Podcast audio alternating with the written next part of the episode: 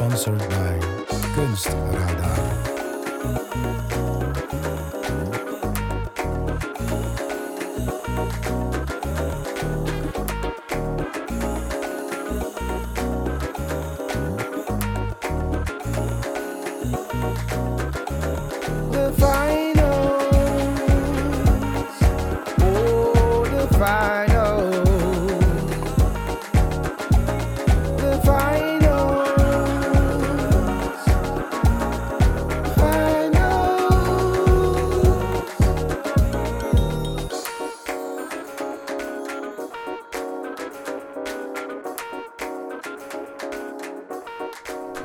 Gideon. We zijn begonnen. Wat fijn. De hoeveelste aflevering? Dat zouden we niet zeggen, omdat we nog niet weten in welke Dat is waar, de zoveelste aflevering. En vandaag hebben wij het gast, Gideon. Paul en Zora. Of Zora en Paul. Ze blijven heel mysterieus en stil. Hoi. ik De meeste mensen zeggen hoi. Ja, hoi. Hallo. Het is ook nog ochtend, ik snap het. Het moet nog even Yes. aangezet worden. Het maakt helemaal niet uit. Jullie hebben gelukkig wel voor ons twee voorwerpen meegenomen, allebei. Ja. Ja. Eentje. Maar zoals gewoonlijk gaan we daar in het begin. Nog even niks mee doen. Precies. Oh, Dus. Jullie mogen ze wel trouwens op tafel leggen, zodat we ze zo meteen even goed kunnen bekijken. Paf, pam. Boom, hoor je al. Dat zegt al een hoop. Ja, ja. en wij zijn juist eigenlijk altijd eerst benieuwd waar, waar jullie geweest zijn. Hoe de school is voor jullie geweest de afgelopen hoe, vier hoe jaar. het begonnen is. hoe het begonnen is. Laten we beginnen bij Paul.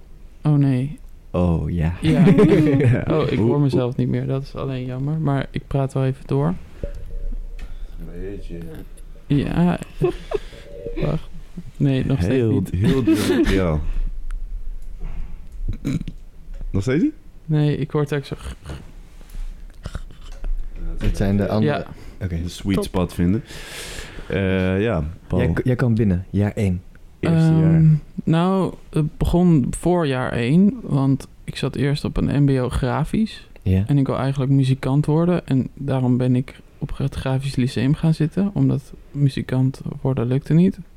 Eh, ik had bij de HBA zeg maar toelating gedaan. En dat, ze vonden me te jong en het lukte allemaal niet. Dus toen ja, ging ik maar grafisch doen. En toen kwam ik er daarachter dat ik dat kut vond. En ik had een vriendin, eh, Rikke. En die zat hier op school. En toen ben ik hier langs Hmm. gegaan. Toen dacht ik, ja, ik wil hier naartoe. Wat deed het hem voor je? Om hier naartoe te gaan? Wat, wat trok je aan?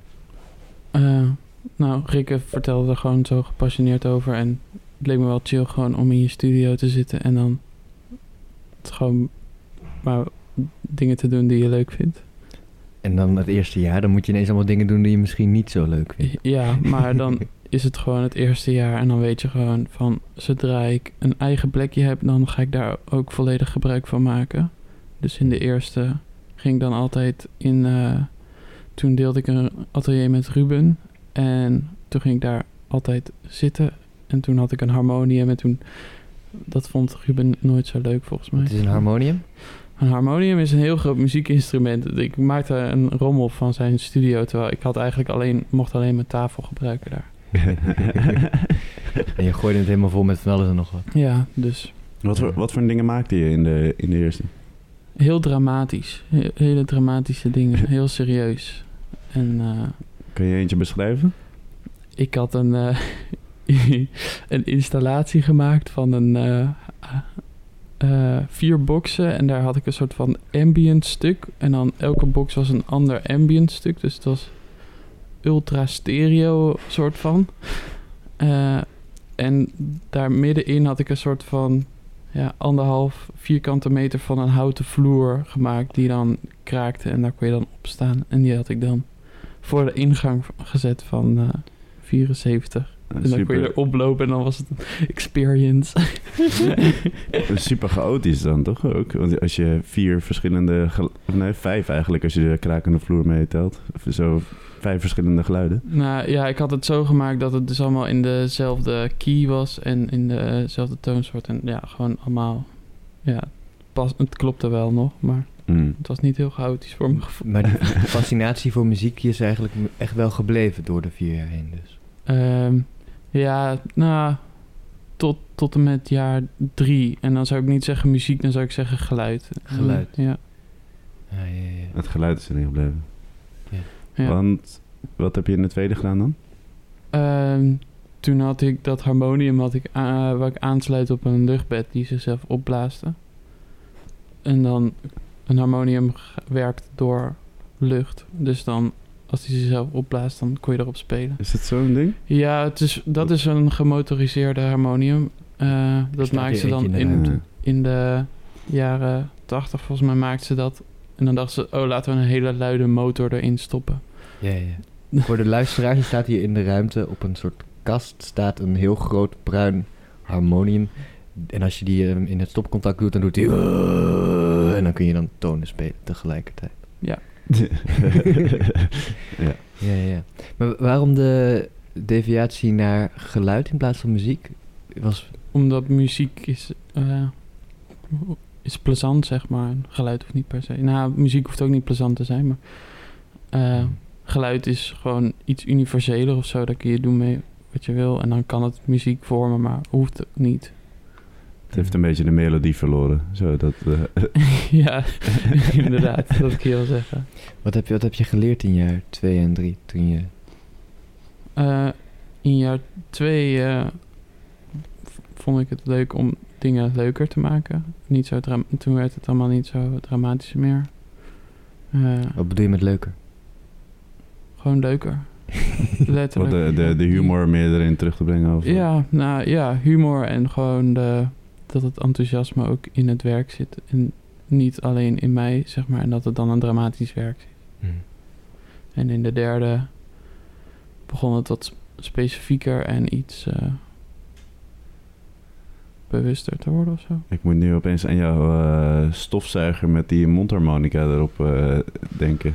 Het, het is, ergens Hm. heeft het iets humoristisch, maar ergens is het ook wel een hele dramatische schreeuw aan geluid of zoiets. Ja, hij schreeuwt wel, ja. Hij neemt wel heel veel ruimte in. Maar daarom maak ik dat soort dingen ook niet meer, omdat ze het... eh, ja, het is te...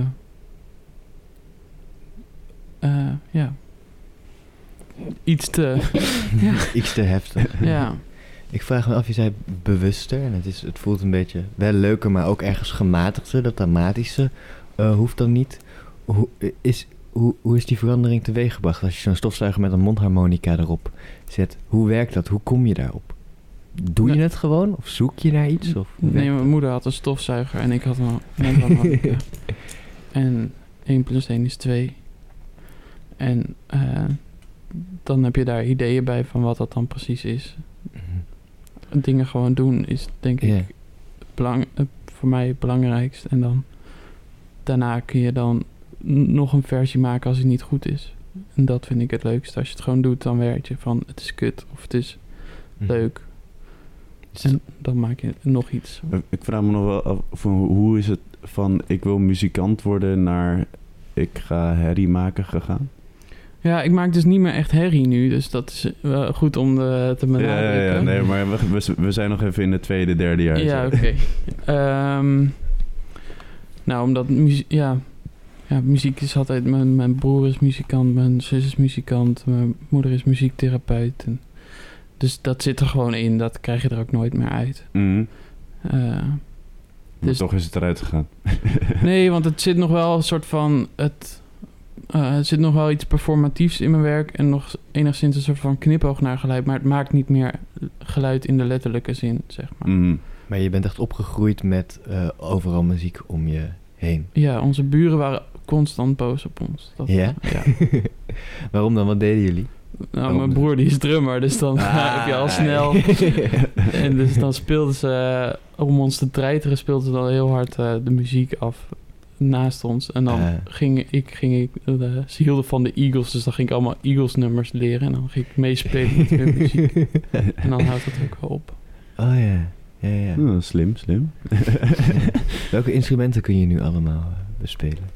Gitaar en eh, zang. Ik kan een heel klein beetje drummen, maar dat is alleen omdat eh, ik dan stiekem op mijn broers drumstel ging spelen. Ja, ja. Oh ja, en, pi- pia en toetsen, zeg maar. Ja, ja. En eh Pomper Paul is ook wel eh, redelijk eh, bekend hier op school. Pomperpaal. Dat is wel eh, muziek. Dat is uit de, de derde ontstaan. eh. Kun je uitleggen wie of wat Pomper Paul is?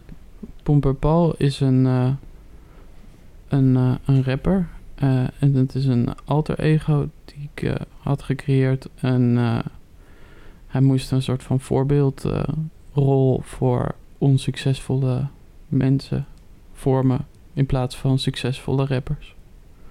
Dat was het Wat is het verschil? Omdat in hip-hop cultuur wordt er vaak gesproken over geld of over succes. En geen succes is even belangrijk en geen geld is even belangrijk. Dus dan toon je een realistischer, een fragieler beeld van wat je kunt zijn. In plaats van alleen maar dit soort van krachtig persoon. Dat hoeft helemaal niet. En tegelijkertijd gebruik je wel in die muziek, wat ik heel tof vind eraan, is juist wel de soort van het, bijna het jargon van zo'n rapper of zo'n image bijna. Het is heel, is maar best wel hard, maar dan ook heel gevoelig tegelijkertijd. Ja, een soort van eh vocaal is het heel erg zo schreeuwerig, maar dan niet eh, schreeuwend, zeg maar. Gewoon eh, meer een pijnlijke kreet, vind ik. Ja. is, eh, is dat ook iets dat soort van vermenselijking, is dat iets wat in je werk terugkomt? Eh, niet ja. perfect zijn juist? ja, dat is juist eh, heel belangrijk in mijn werk eigenlijk. eh, de fragiliteit van de mens of man. Ja. Ah, ja, ja. Heeft dat er ook vanuit de tweede, derde zich al ingewerkt of de eerste? Ehm, ja, van, vooral de, de derde, zeg maar. In de tweede was het dus echt humor dat, dat belangrijk werd. En dat was misschien meer gewoon de manier van werken dat veranderde. En in de, in de derde kreeg ik echt meer een soort van thematiek of zo, dat, dat ik zelf belangrijk vond. Hmm. Wat was die thematiek? Dat is, dat ja, de je. fragiliteit van eh, de man. Ja. Hoe, hoe ervaar je die zelf? Eh, frustrerend. Frustrerend. Waarom frustrerend? Ehm, omdat eh, er heerst eh, veel eh, mannencultuur is heel vervelend, vind ik. Eh, het is moeilijk om daarover te praten of zo. of Die, het die in macho, ieder geval, macho cultuur. Of, eh, eh, ja, gewoon een soort van giftige cultuur. En dat is, ja, als je het te kaart wilt, zeg maar, als je het wil aanduiden of zo van dit is er, dan wordt er heel defensief op gereageerd. Of in ieder geval van, ja, maar dit of dat, mm, dat is lastig om, ja, dat vind ik frustrerend. Misschien ook omdat als ik dat dan hoor, dan denk ik echt dat het heel erg verstopt is. Want die confrontatie die je nu schetst, da- daar kom ik ook best wel vaak tegenaan. Dat ik me op een bepaalde manier gedraag en dan gedraag ik me zo en dan denk ik achteraf van waarom heb ik dat nou gedaan? Of waarom heb ik dit zo gezegd op deze manier?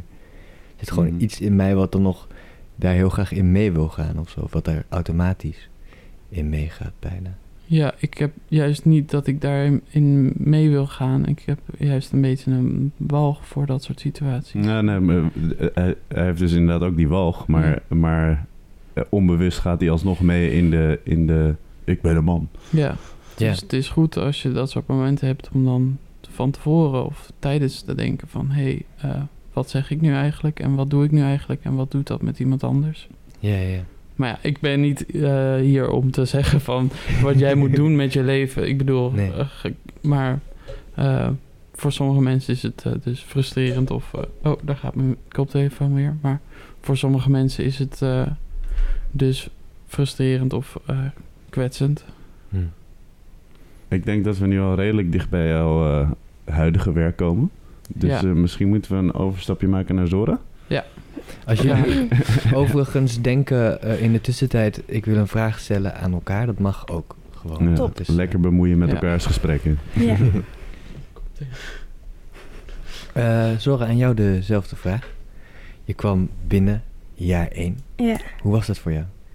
Waar kwam je vandaan? Ehm, voor mij had ik eigenlijk al, voordat ik hier binnenkwam, al heel lang daarvoor bedacht dat ik hierheen wilde. En ook al heel lang heel standvastig, standvastig bedacht dat ik kunstenaar wilde worden. Hm. Ik was een keer eh, op vakantie en daar ontmoette ik iemand, hij was kunstenaar. Toen heeft hij mij allemaal dingen verteld over kunstenaar zijn. Toen was ik 14 of zo. Sindsdien is dat ook niet meer uit mijn hoofd gegaan. En eh, dus het eerste jaar zat ik ook hier heel erg met heel veel enthousiasme. Als Wie had je dat verteld? Nog even één keer. Ondertussen niet meer. iemand die ik ontmoet had, die kunstenaar was. Ah, wat Harm. Tuin, ja. Ja, ja. Ja, grappig is dat. Ehm, dus ik kwam hier met heel veel enthousiasme als... Hoe oud was ik? 17 of zo, ja. Dus heel jong ook. En ik had er best wel veel zin in. En eh, ja, dat eerste jaar dat is dan natuurlijk dan best wel een, eh, een basisjaar. Een beginjaar met alle vakken. Ik Wat voor dingen maak je? Ja, ik ben altijd echt een, eh, echt een tekenaar geweest, denk ik. Heel erg 2D ingesteld, heel erg gewoon snel tekenen. Dus ook dat in het eerste jaar kwam veel naar voren. Ik had echt, ik schrok me helemaal de pleuris toen we ineens eh, camera's en films en zo moesten gaan doen. Maar dat vond ik ook wel vet. en ehm, ja, ik had vooral toen met deze studie, ik had vooral in mijn hoofd die studio's en zo. Dus het hele jaar, dan kijk je eigenlijk uit naar die studioruimte in het tweede jaar. Dus ehm, dat was er vanaf het tweede jaar.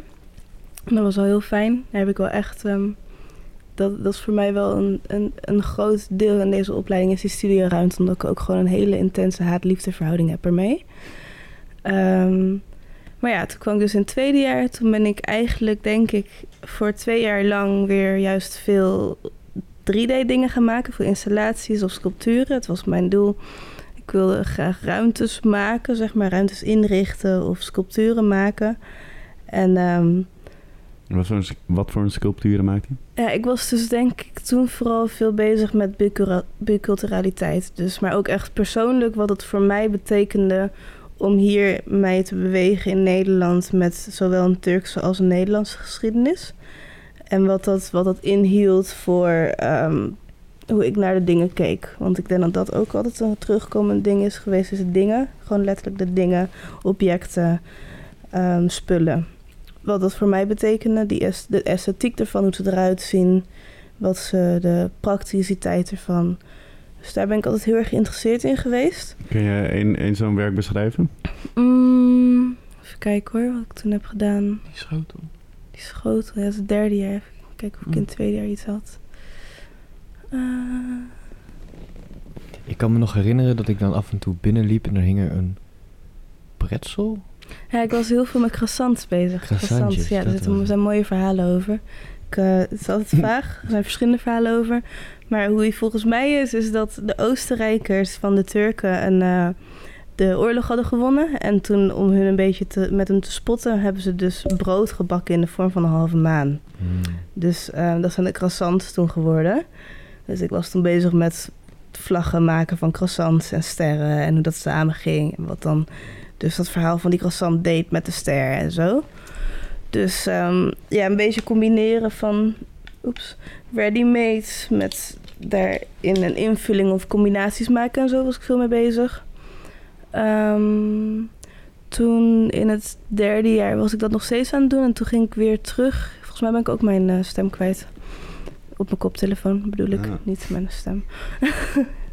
Ik ben hem ook kwijt nu. Ja, oh, oh, nee. Ja, ja, eh, ja, ik hoor hem weer. Top. Ehm, en toen in het derde jaar, toen op een gegeven moment, toen ben ik weer heel groot collages gaan maken, tekeningen. En toen, toen ben ik sindsdien steeds meer teruggegaan daarnaar. En ook steeds dichter naar mezelf. Toen ging het op een gegeven moment minder over de dingen, maar over mijn herinneringen. Maar toen bleek dat toen ik over mijn herinneringen nadacht, toen ik daarover nadacht, het eigenlijk ging over de dingen en de herinneringen. Mhm. Dus nu ben ik daar weer terug bij wat de dingen betekenen. De hiërarchie, de compositie en dat soort dingen. Ja. Ik vroeg mij af wat uit dit hele verhaal wat, wat mij opviel. Je zei haat-liefde verhouding met Ja. de studio. Ja, ontzettend. Hoe zit dat? Ja. Nou, het is ehm, heerlijk dat ik een eigen ruimte heb. En ik vind het ook heel fijn. En juist doordat ik een eigen ruimte heb, kan ik meer als mezelf werken dan anders. Ehm, ik ben nu dus veel aan het schilderen. En dat is echt. Dan heb je een ruimte die, die je dicht kunt doen, waar je muziek aan kunt zetten. Dat je echt gewoon ineens vier uur aan het schilderen bent. En je denkt dat er tien minuten voorbij zijn. Maar voor de rest vind ik het heel moeilijk dat, ehm, dat je dan zoveel in je eentje zit. En dat dan het eigenlijk heel erg veel draait om je eigen proces en je eigen, eigen stappen daarin zetten. En ik denk dat voor mij nu na deze vier jaar het voor mij een, eh, een hele mooie leerweg is geweest. Dat ik eigenlijk niet zo wil werken. Dat ik eigenlijk liever in een groep of gewoon niet in een studio wil werken, zeg maar. Ehm, En wat, in wat voor een vorm dan? Ja, iets, iets ehm, zeg maar, hier op school ben je maker als in je maakt dingen. En ik vind dat heel vet, maar ik denk dat ik meer een maker ben in, in evenementen of in shows of in groepen, zeg maar netwerkdingen. Als in, ik vind het fijn om met veel mensen om me heen te werken die enthousiast zijn over één ding en dat samen op te bouwen. In plaats van dat ik in mijn eentje enthousiast moet zijn over mijn eigen ding, wat egocentrisch voelt, zeg maar. Ehm, dus ja, ik vind dat heel leuk vooral.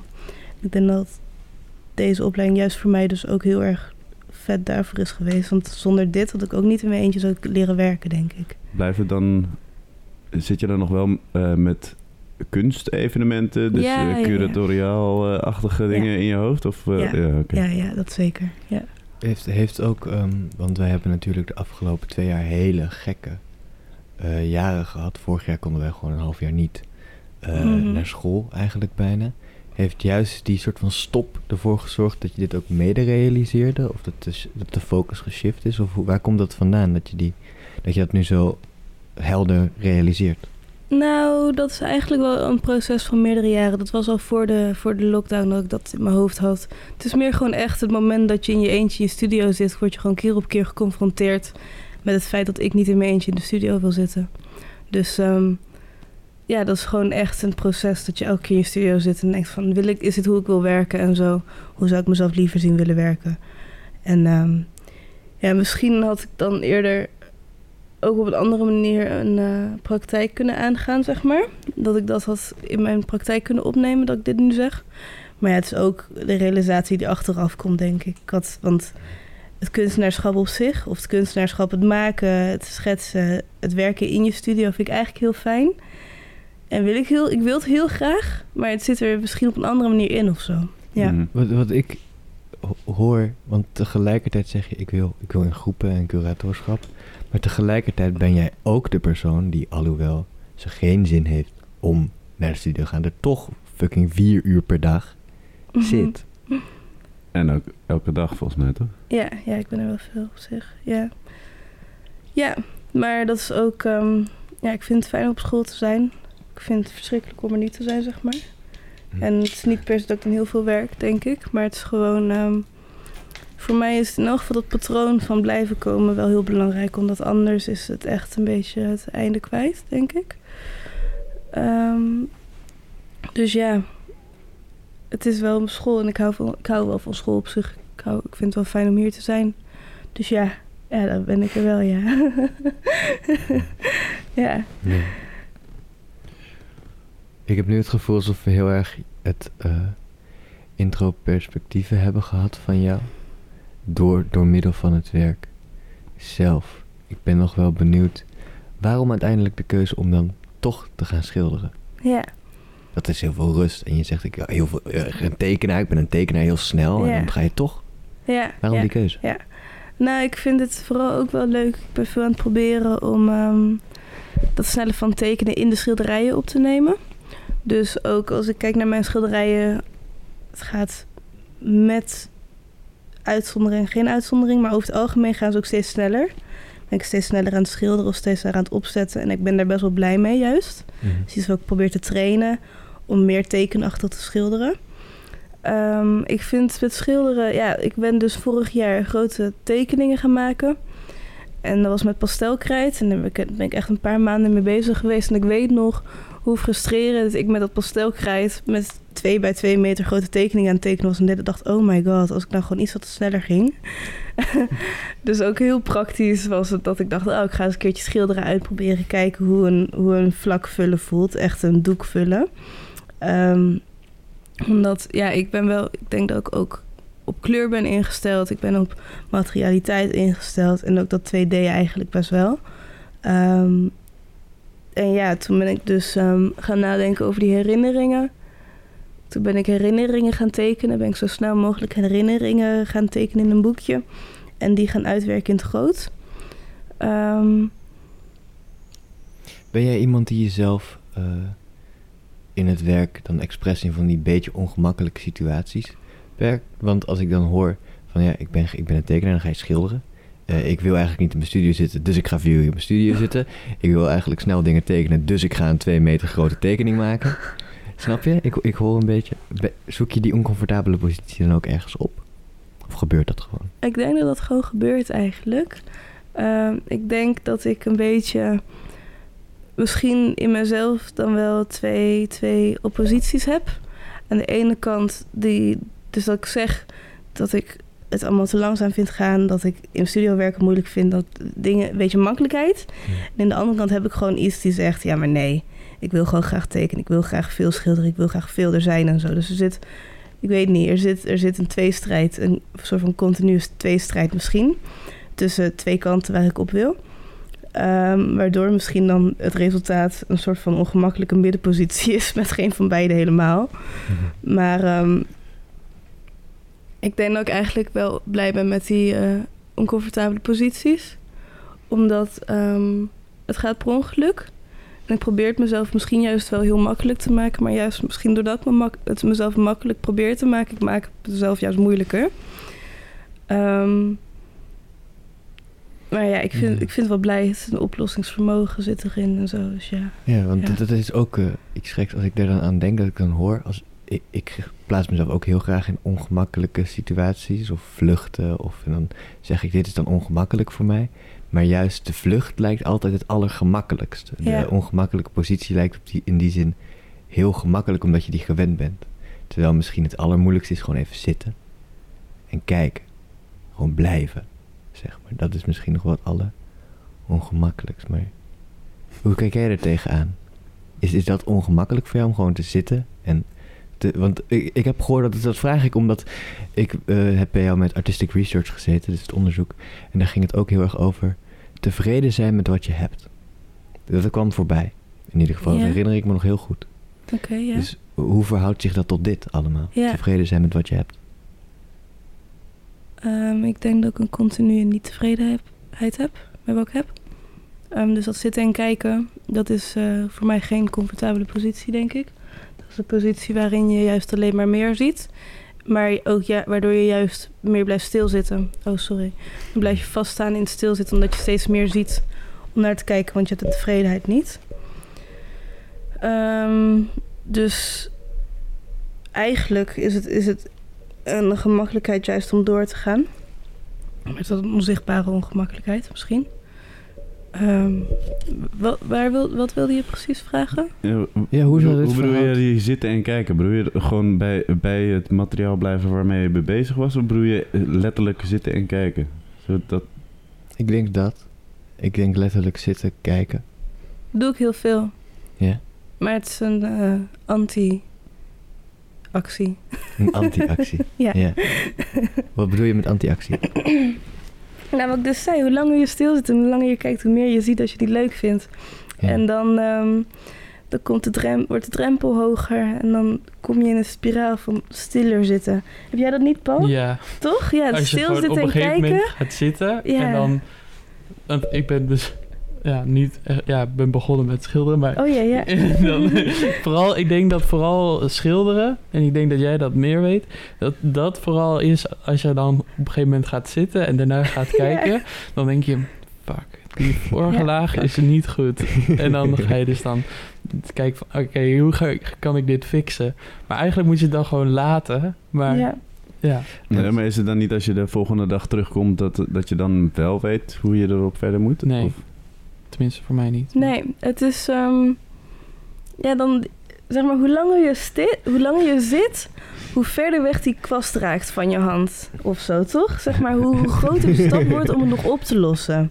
Want het wordt- hoe langer je kijkt, hoe groter wordt het probleem... dat je zelf hebt gecre- gecreëerd in het schilderij of zo, denk ik. Oh nee, dat heb ik Oh, nooit. niet? Nee, ik ga het dan echt fataal verneuken. Oh, jij gaat juist verder? Ja, ik- oh, nee, ik ga echt... Nee. Maar grappig. wa- Wat is dan... Het is, dat, ik zou het niet weten dat ik deze vraag krijg. Wat is dan de reden dat je toch maar weer soms doorbreek je het. Dan zet je muziek aan of dan kijk je iets of dan heb je een gesprekje gehad en dan doorbreek je het. En voor mij werkt het dan echt om gewoon zo snel mogelijk, zo lang mogelijk te schilderen. Ook gewoon echt letterlijk zo snel mogelijk. En dan ook misschien dat je dan juist zo lang hebt stilgestaan dat de goede dingen hebben opgebouwd. Want dan wordt het ook wel vet uiteindelijk, als je dat zo snel doet ineens. Maar je moet het echt fysiek doorbreken Hoe, bij hoe mij. snel, hoe snel, snel? Hoe, hoe, hoe lang doe je over een doek? Nou, ik kan dan echt, ik denk soms heb je de helft van het doek heb je in twee uur tijd. En dan duurt de andere helft drie weken, zeg maar. zeg maar dat soort dingen. Ja, ja, het gaat best wel hard. Dan heb je ineens drie dikke vette lagen in een uur tijd. Terwijl ik gewoon drie dagen lang met een of andere waterlaag bezig ben. Die echt in die milli één stukje detail is. Details, daar verlies ik mezelf ook in, ja. ja. Het is altijd... eh, hebben jullie het idee alsof er iets van je werk weerspiegeld zit in wie je bent? Dat vraag ik omdat ik de, de afgelopen twee dagen geconfronteerd ben door leraren. En ineens zeggen ze iets over mijn werk en dan denk ik, vrek, ze zeggen iets over mij. Of zo. Dat is toch, jij maakt het, dus Ja. het is gewoon onafscheidelijk Ja. van jou. Ja. Ja. Net zoiets als zeg maar van, oh je moet de kunstenaar loszien van de kunst. Net, net is bijna, ja, het is bijna onmogelijk, Ja. zeg maar. Hm, ja. Ja, mooi. Ja, het weerspiegelt zeker. ja. Kun jij nog Michael Jackson luisteren zonder ergens anders aan te denken? Ja, ja. Weet je, die vraag. Fair. Het is Over- lastig. Over spiegelen gesproken, we hebben twee objecten op Oh ja. tafel liggen. Die iets over jullie weerspiegelen. Yes. Paul, wat heb je meegenomen? Ja. Ik wil nog wel één ding zeggen over zorg. Want je hebt helemaal niet. Je, je, verteld van, nou, oké, ja, ik ben gaan schilderen. Ik wil niks Maar-. Ja? Hm? Ja? Maar je maakt ook nog gewoon heel veel tekeningen. Oh ja. Maar het is niet gestopt of zo. Klopt. Ja, Nee, ik teken zeker nog heel veel. Het schilderen is een deel van het tekenen nu. ja precies. Het, is, het wordt meer één ding. Zeg. ja, zeker. Ja. Ja. Dank je. Dat ook nog eens. Thanks. Maar wat ik heb meegenomen dus is eh, een computerspelletje. En eh, het heet Age of Empires. En het is in het eerste deel is in 1997 uitgekomen. Eh, toen was ik geboren. En eh, ja, het spelletje betekent wel heel veel voor me. En ook in mijn praktijk. Dus vandaar dat ik het heb meegenomen. Waarom betekent het zoveel voor je? Eh, omdat eh, ik, ik was er niet super goed in. eh, maar mijn zus wel. Dus dan, ga je, dan moet je zo ernaast zitten en kijken. Ehm, dus ik heb, dat heel, ik heb er heel lang naar gekeken hoe het werkt. En toen had op een gegeven moment mijn eh, buurjongen eh, had Age of Empires 2. En die was daar ook heel goed in, want die had het spel. Dus dan moest ik weer kijken. En toen had een jongetje van judo had ook eh, deel 1. Dus toen dacht ik, nou, dan ga ik daar mijn kansen proberen of ik daar mag spelen. Maar nee, daar moest ik ook eh, kijken. Dus het is meer een soort van trauma dan een... eh, Nee, ja, maar ik heb er wel heel erg warme gevoelens bij of zo, bij dat spelletje. hmm. En toen, eh, afgelopen jaar, toen kwam ik erachter dat het eigenlijk nog heel groot is, gewoon online. En mensen spelen dan deel 2, niet deel 1, heel veel online tegen elkaar met toernooien. En je kunt er echt dik geld mee verdienen om gewoon dat spelletje nog te spelen. Ehm, dus ik was het wederom weer alleen aan het kijken, merkte ik. Toen dacht ik, ah, ik ga het kopen, dan, eh, dan kan ik het spelen. Maar ik, ik heb een Mac, zo, waar het niet zo'n eh. Dus dat ging ook niet. Misschien toen- even bij de buurjongen kijken. Ja, maar omdat ik het dus zoveel heb gezien en eh, ook in die toernooien, dat zijn dan allemaal mannen. En op de voorkant staan eigenlijk ook eigenlijk alleen maar mannen. En die gast die dat dan speelt, die zegt dan ook de hele tijd gewoon dudes en bros. En het is heel erg eh, een soort van Een man's world. ja, een, een man's world, net zoals eigenlijk heel veel werelden. Dus ik vond het eigenlijk wel een goede weerspiegeling van... Ja, wat is dan je doelgroep? Weet je wel, wie... En dan speelt mijn, speelde mijn zus het wel. Maar voor de rest... ehm, Hoe, hoe komt dit eh, eh, terug in je werk? Ik weet dat je het bijna letterlijk die hoes hebt nageschilderd. Eh, ja, ik heb eh, deel 1, deel 2 en eh, Age of Mythology. Dat is een soort van aftakking. Die heb ik gespeeld vroeger. Ja, die heb ik ook nog, eh, nog eens gespeeld bij een vriendje. Jawel, trouwens. Nee. Oh. En ehm, ja, gewoon, er staan alleen maar gespierde mannen of zo op, eh, op die voorkant. Dus ik, een soort van. eh, daarom ben ik dat gaan schilderen. Hoewel het. Ja, ik heb letterlijk dan een soort van stukje hout met een, met een deurpen, zeg maar, dat die open en dicht kan. Heb ik beschilderd. Eh, dus het is meer een object, zeg maar. Het is echt een hoesje in plaats van dat het een, eh, een schilderijtje is. Mhm. Eh, het is meer de weerspiegeling van dus die gespierde mannen of zo. Muscular man being muscular. dus ja, voor wie maak je het dan? Ja, welke, welke positie neem jij er dan zelf tegenover in? Want je bent uiteindelijk wel degene die dat natuurlijk dan schildert. Ja, dus het is meer een soort van observatie van... hey, dit kan anders, denk ik, Hm. dan alleen die gespierde man. Zit die gedachtes, eh, hoe weerspiegelde dat zich naar de rest eh, van het werk wat je produceert? Want je hebt ook een hele, ik heb in je studio gezeten laatst, met een hele collectie zagen die allemaal konden zingen. Mhm. Verhoudt zich dat eh, op een bepaalde mate ook tot dit ge- gedachtegoed of ergens een link daartussen? Eh, ja, eh, ja, dat is eigenlijk gewoon. er zit nog een heel ander verhaal, maar dan sla ik het helemaal dood. Dus ik hou het even simpel met die, Ja, ja, ja. met die zaag.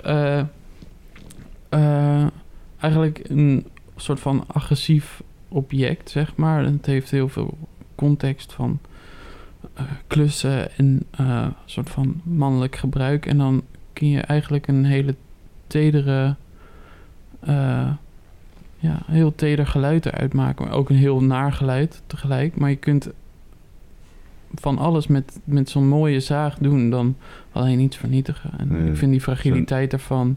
En ik heb ook het handvat heb ik van keramiek gemaakt. Dus eigenlijk wordt het een heel teder object. En dat vind ik mooi. Ja, die stoere mannenzaag laten huilen. Dat is, eh, Nee, eh, dat het alles kan zijn. Dat het ook fragiel kan zijn. Ja. Is dat voor jou ook een manier eh, om dat, dat masculine daarmee voor jezelf misschien een plek te geven? Of een soort... Ehm, nou, ik, ik heb het zelf het gevoel alsof ik het wel enigszins een plek heb kunnen geven. Hm. Ik heb er wel een sterke mening over, denk ik. En ehm, ja, maar zoiets on- ontwikkelt altijd. Eigenlijk Hm. denken ze dat, dat dat nooit stopt.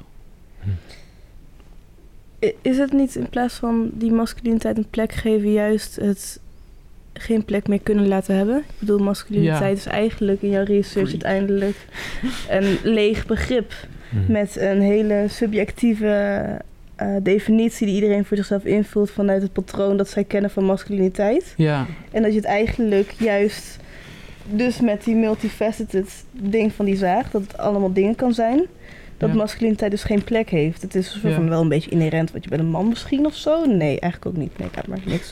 ja, maar wel in de zin inderdaad dat het een fluïde term is. Ja, Ja, ja Ik, precies. ik bedoel met het woord masculiniteit bedoel ik meer de cultureel opgelegde vorm van wat een man moet zijn. Ja, nee, maar ik bedoel dat Paul die heeft best wel Mhm. dan research gedaan naar wat dat betekent. Mhm. En dat eigenlijk dus die hele betekenis, dat is gewoon zo'n leeg, lege betekenis is dat. Ken Doordat het cultureel is opgelegd door die... ja, door masculiniteit is masculiniteit ontstaan, zeg maar. Mhm. Dus ja. dankjewel Mm. Sora voor eh, mijn Ja. werk. Ik ga er gewoon vanaf nu zeker dat dat jou erbij hebben. Dit is wel chill. Ik gewoon zelf niet hoe uit te... hoe, eh, hoe, hoe zou jij het woord masculiniteit uitleggen dan, Paul? Ja, zoals Sora het. Ik, ik heb een vraag. Eh, wa- wanneer werd je hiermee geconfronteerd? Is er een moment geweest dat je daarmee werd geconfronteerd? Waardoor je daar eh, onderzoek naar bent gaan doen? Of... Const- constant, denk ik. Maar eh, wat voor mij echt... eh, dat ik in ieder geval bewust... Want ik denk dat heel veel mensen ook niet per se super bewust zijn... dat het gewoon super dagelijks is en super aanwezig is. Vooral ook in een kunstacademie. eh, omdat er natuurlijk altijd soort van groepjes mannen zijn. En er zijn altijd groepjes mannen die dan succesvol afstuderen... of die dan worden aangeraden. Of ja, dat, dat soort gedrag. Maar ook gewoon subtielere dingen. Zoals ik had eh, met, eh, met mijn vriendin Nora had ik. Eh, toen zij nog op de academie zat, had, hadden we een soort van hip-hop feest georganiseerd. Eh, en dat hebben we gewoon compleet samen eh, gedaan. En toen werd ik bedankt voor het maken van dit evenement. Ehm, dus vanaf dat moment ben ik er heel erg bewust. Toen heeft mijn vriendin daarop, mij op, daarop gewezen van... Vind je, vond je dat ook niet raar? En vanaf dat moment ben ik eigenlijk heel bewust gaan kijken naar van... wat er dan precies raar is. En voor- voor- vooral die situatie was het heel duidelijk van... dat ik eh, een privilege had als man... eh, en dat ik... eh, word bedankt als enige, zeg maar, voor het maken van iets wat, wat Nou, ik samen met iemand anders heb gemaakt. En gewoon, ja, vanaf dat moment ben ik me ook gaan, meer gaan inzetten verdiepen. daarvoor. Ja. Was dat ook echt het, eh, de katalysator voor die bewustwording? Of had je als jongetje toen je de, bij, je, bij al die mensen moest kijken ook al het idee van dit is raar, dit zijn allemaal hele gespierde mannen? Of was, werd het gewoon aangenomen als... Ja, als, ja, dat is dus het probleem, dat het wordt voorgeschoteld. Als, Ja. als jongetje had ik er dan ook wel last van, maar minder of zo, omdat het dan meer, ja, meer, het is gewoon genormaliseerd. En vanaf dat moment is het goed om bewust te worden dat het eigenlijk niet zo normaal is. Hm. Ehm, Zijn dat ook dingen die je telkens probeert te raken in al die eh, werken, dat het alles kan zijn? Of is dat uiteindelijk wat er dan uitkomt nadat je het hebt gedaan? Want je zei, ik, ik onderzoek door te doen. Dat is heel belangrijk met die harmonica en die stofzuiger. ehm, Hoe weet je dat je iets vindt, zeg maar? Daarin. Wanneer weet je dat? Hoe bedoel je dat er, dat er een duidelijk doel is? Of, eh, Ja. Bepa- bepaal je van tevoren het onderwerp of zoiets? Of, of daarna? Ik denk dat, het zoiets, eh, dat hij zoiets vraagt. Ehm, nou, meestal is er een soort van vaag verhaal of eh, herinnering of situatie of zo waar, waar voor mij in ieder geval enigszins een fragiliteit in zit. En dan kan ik dat uit, omdat het gewoon een verhaal is van mij of, of een herinnering van mij, dan kan ik dat uitvergroten in hoeverre ik dat wil. En dan kan het soms een hele letterlijke vertaling zijn, maar de, de situatie of zo, die moet dan wel blijken in het werk of zo, vind ik. Tenminste, ik vind dat belangrijk als iemand dan niet per se dat verhaal weet of zo, maar dan ehm, meer de situatie voelt. Ik vraag mij dan af, hè. Hoe verhoud je... Hoe, hoe, hoe gaan we dat dan veranderen of zo? Ja, maar dat is dus niet, dat, dat probeer ik te zeggen, dat is dus niet het doel van het werk. Het is niet een doel of zo, maar meer een bewustwording of zo. Ja, ja. En daarom praat ik er ook graag over, omdat dat denk ik eh, essentieel is om met, eh, met iedereen, zoveel mogelijk mensen daarover eh, in gesprek te gaan. Hm. En het, ik denk niet dat het werk per se kan veranderen. Ja, eh, ik denk niet dat als ik ineens een zingende zaag maak, dat dan ineens iemand denkt van... Fuck, ik, ik ben heel verkeerd bezig. eh. Ja. maar meer dat ze dan... Dan kun je gewoon daarover nadenken van wat is die zaag dan? En eh, Hm. ja, wa- het- wat voor een object is dat? En hoe wordt dat ge- gebruikt? En ja, gewoon meer in die zin. Ja, je- dus je legt iets tussen de toeschouwer en het werk neer dat eigenlijk vragen oproept eigenlijk. Daarin neem je zelf niet zo'n stellige positie in van en nu moet jij het anders doen. Ja, Ja. Dat is wel mooi, denk ik. Ik, ik, ik zit nu over dat werk van jou na te denken. eh, Het, eh, het muurtje met de hondensnuit. ja.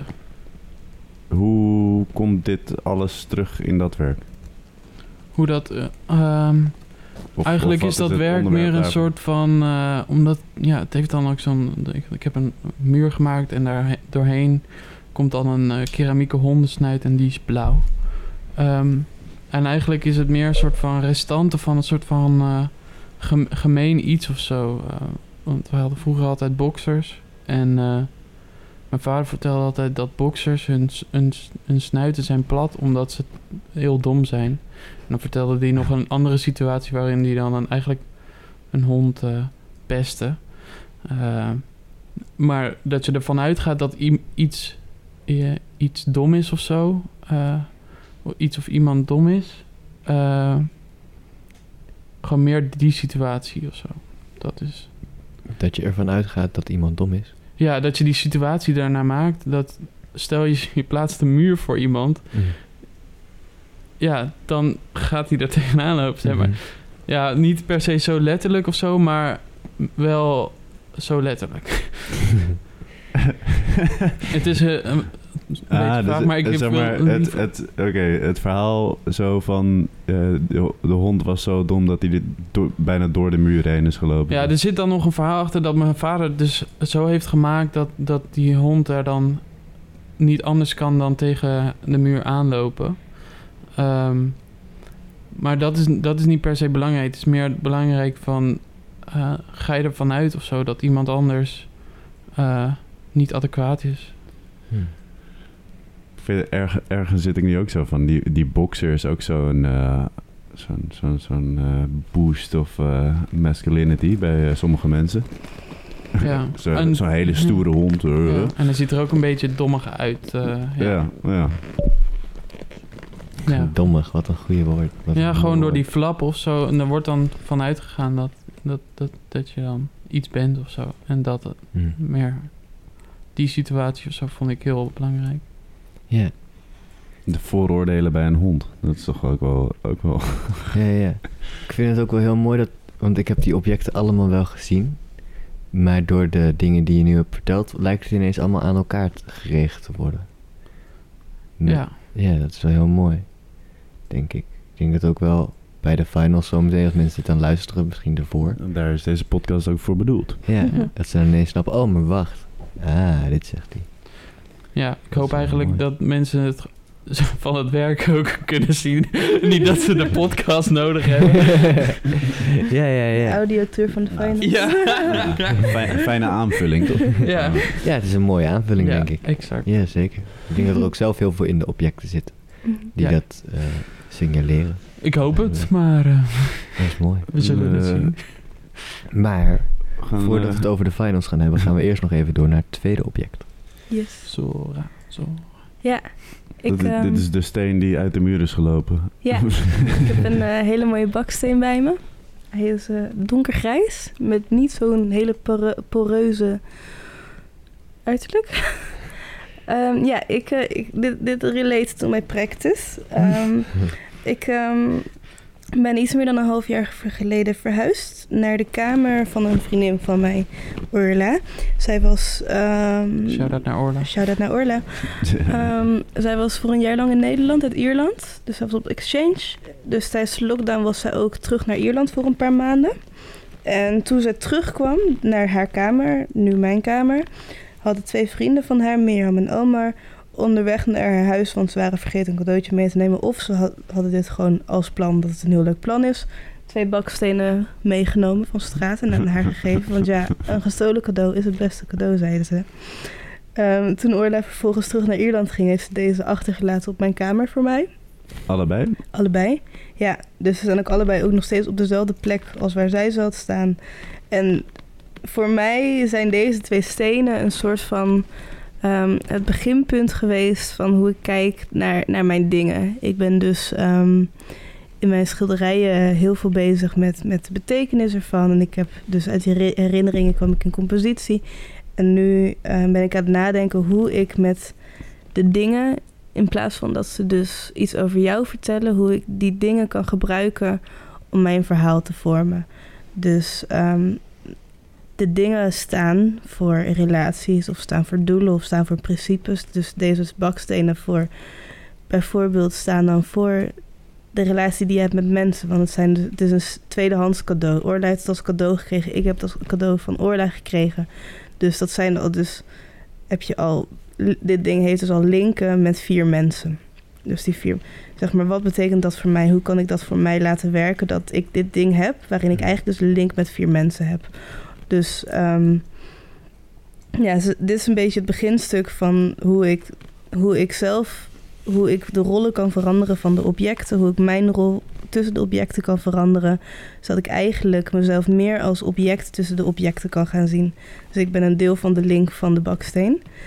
Ehm, Jezelf tussen, als object tussen de objecten kan ja, gaan zien. Ja, ja, Wat doet dat met je? Nou, ik heb ehm, in mijn research heb ik ook een beetje dus dit onderzocht. En mijn, mijn idee is dat de mens ehm, wil heel graag als subject gezien worden. Dat kun je ook best wel zien in bijvoorbeeld de feministische beweging van de laatste paar honderd jaar. Dan zie je dat de feministische beweging emancipeert om vrouw meer als onderwerp te krijgen. Hoewel eigenlijk, en dat heb ik wel van een tekst van Hito Stereo, dat moet ik even zeggen. ehm, eigenlijk is de rol van het onderwerp, van het subject, een hele zwakke rol. Je hebt een ondergeworpen rol. Je bent aan het spelen naar de rol van het object eigenlijk. Het onderwerp is altijd ondergeschikt. Dus, ehm, Je bent aan het... Dat ging heel snel. oh sorry. Je bent aan Sorry. het eh, spelen naar de eh, rol van Als- object. Ja, dus, dus ehm, er is een patroon dat je ziet dat de mens eigenlijk heel graag op subject wil zijn. Je wil onderwerp zijn. Ze willen de rol hebben, zeg maar.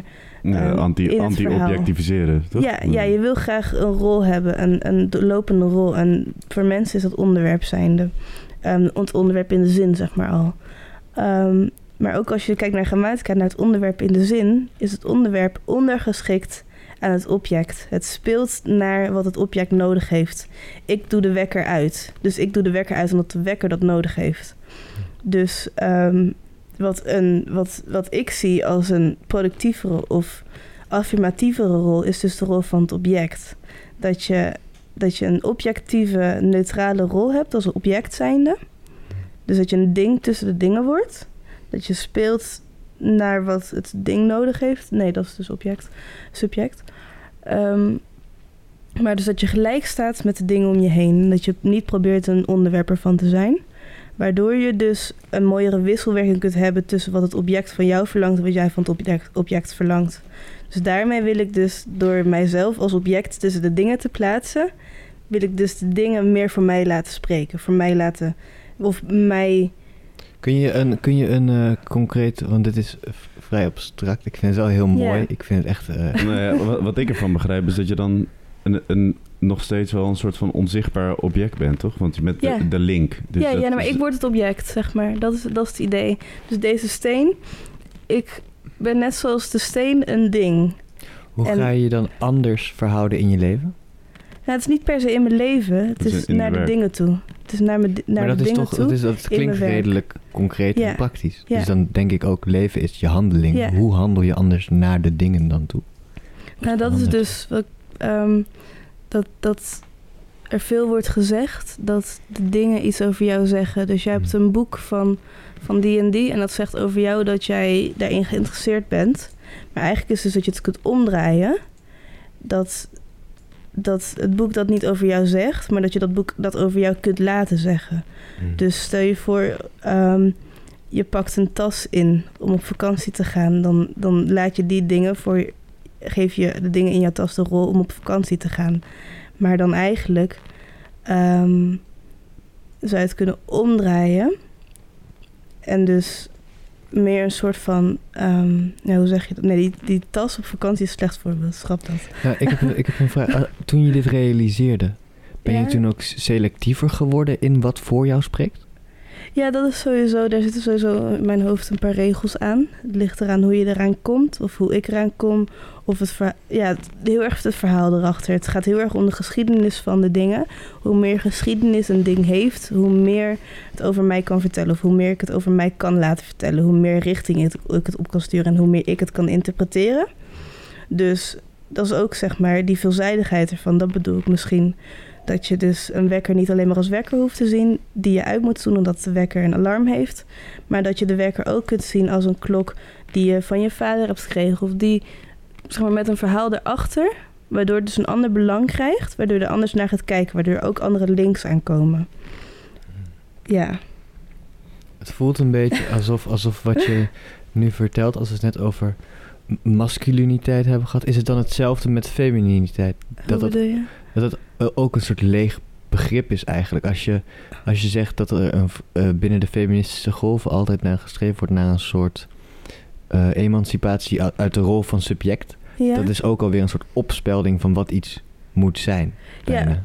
Maar dat is denk ik niet specifiek voor feminisme. Ik denk dat in elke emancipatorische beweging zie je juist de, de drang of de wil om subject te worden. Want in een subject, historisch gezien, zijn subjecten de meest machthebbende rollen.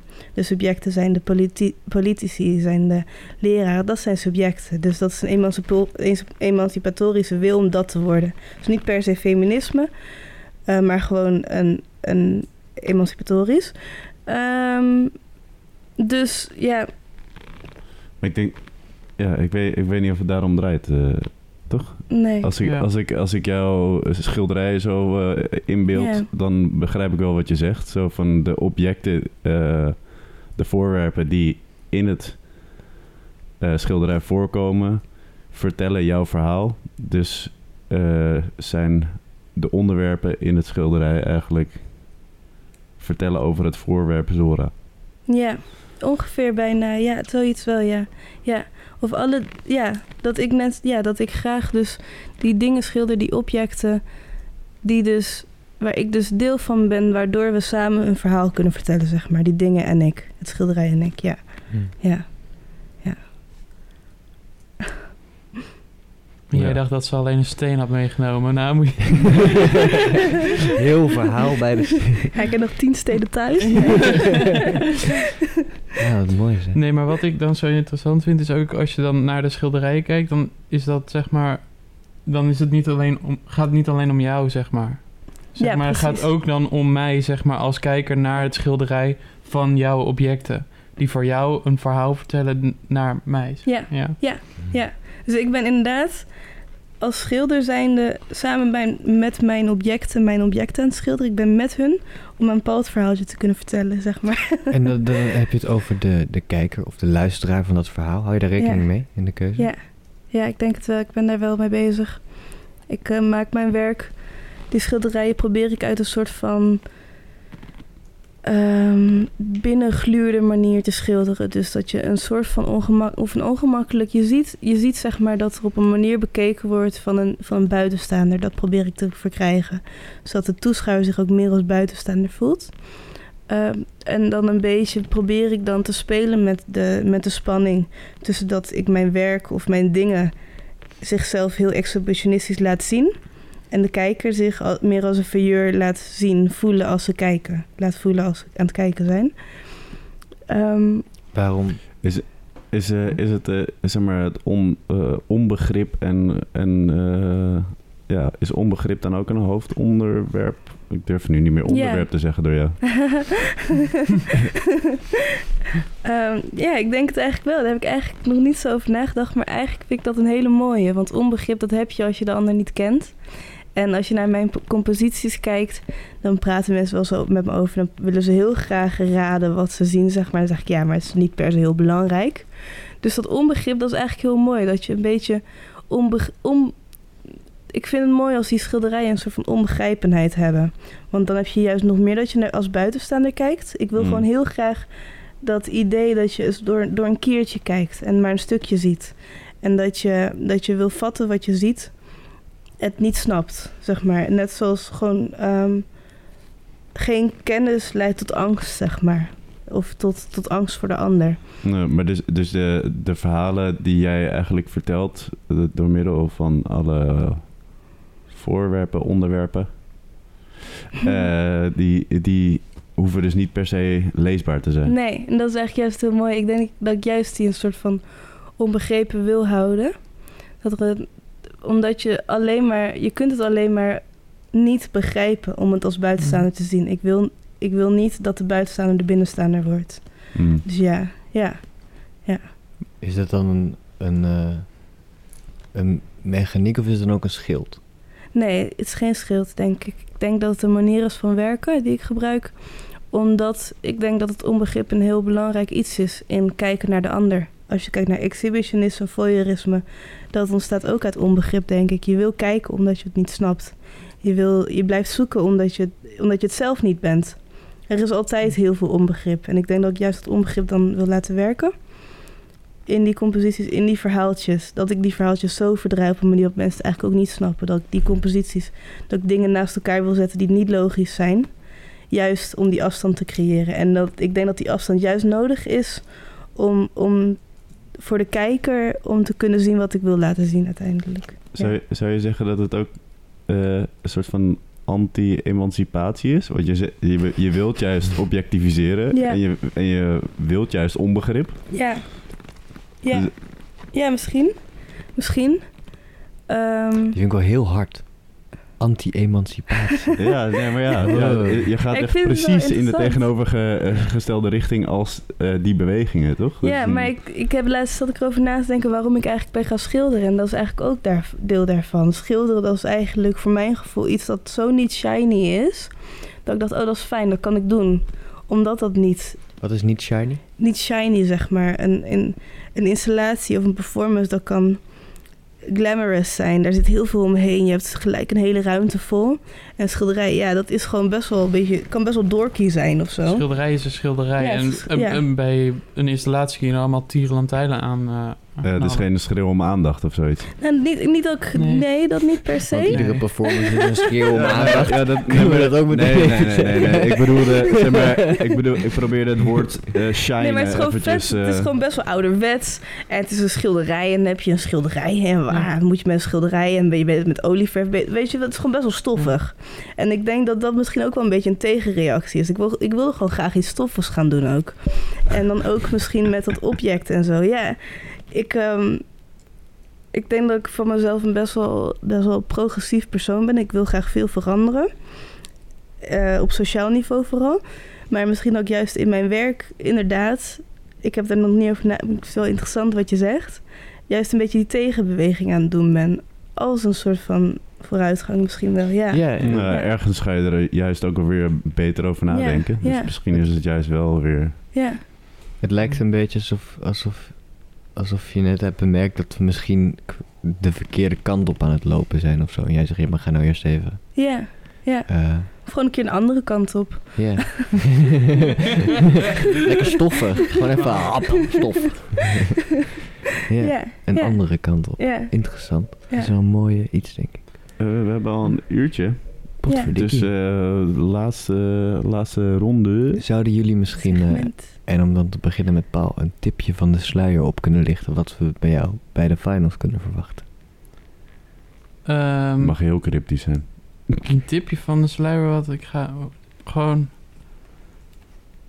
Ik hoop dat je er met plezier naar kijkt en eh, gewoon dat je er goed naar kan kijken. Ja, ik geen idee.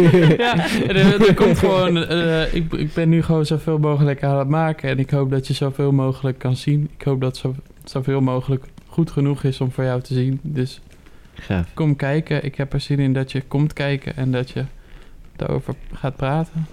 En eh, wat is je planning voor eh, na de finals? Wat, wat, wat ga je na de academie doen? Ehm, ik ga eh, een bijbaan zoeken. Nou, ik heb al een bijbaan, maar ik ga dan meer bij die bijbaan werken en dan werk maken. Dat is, eh, dat is mijn plan. Geen eh, concrete plannen van de residentie of nog een vervolg? Of een Nou, sowieso geen vervolgopleiding. Eh, misschien, ja, nou, ja, ik heb al een MBO gedaan en ik- nu een HBO. Ik vind het wel prima zo even.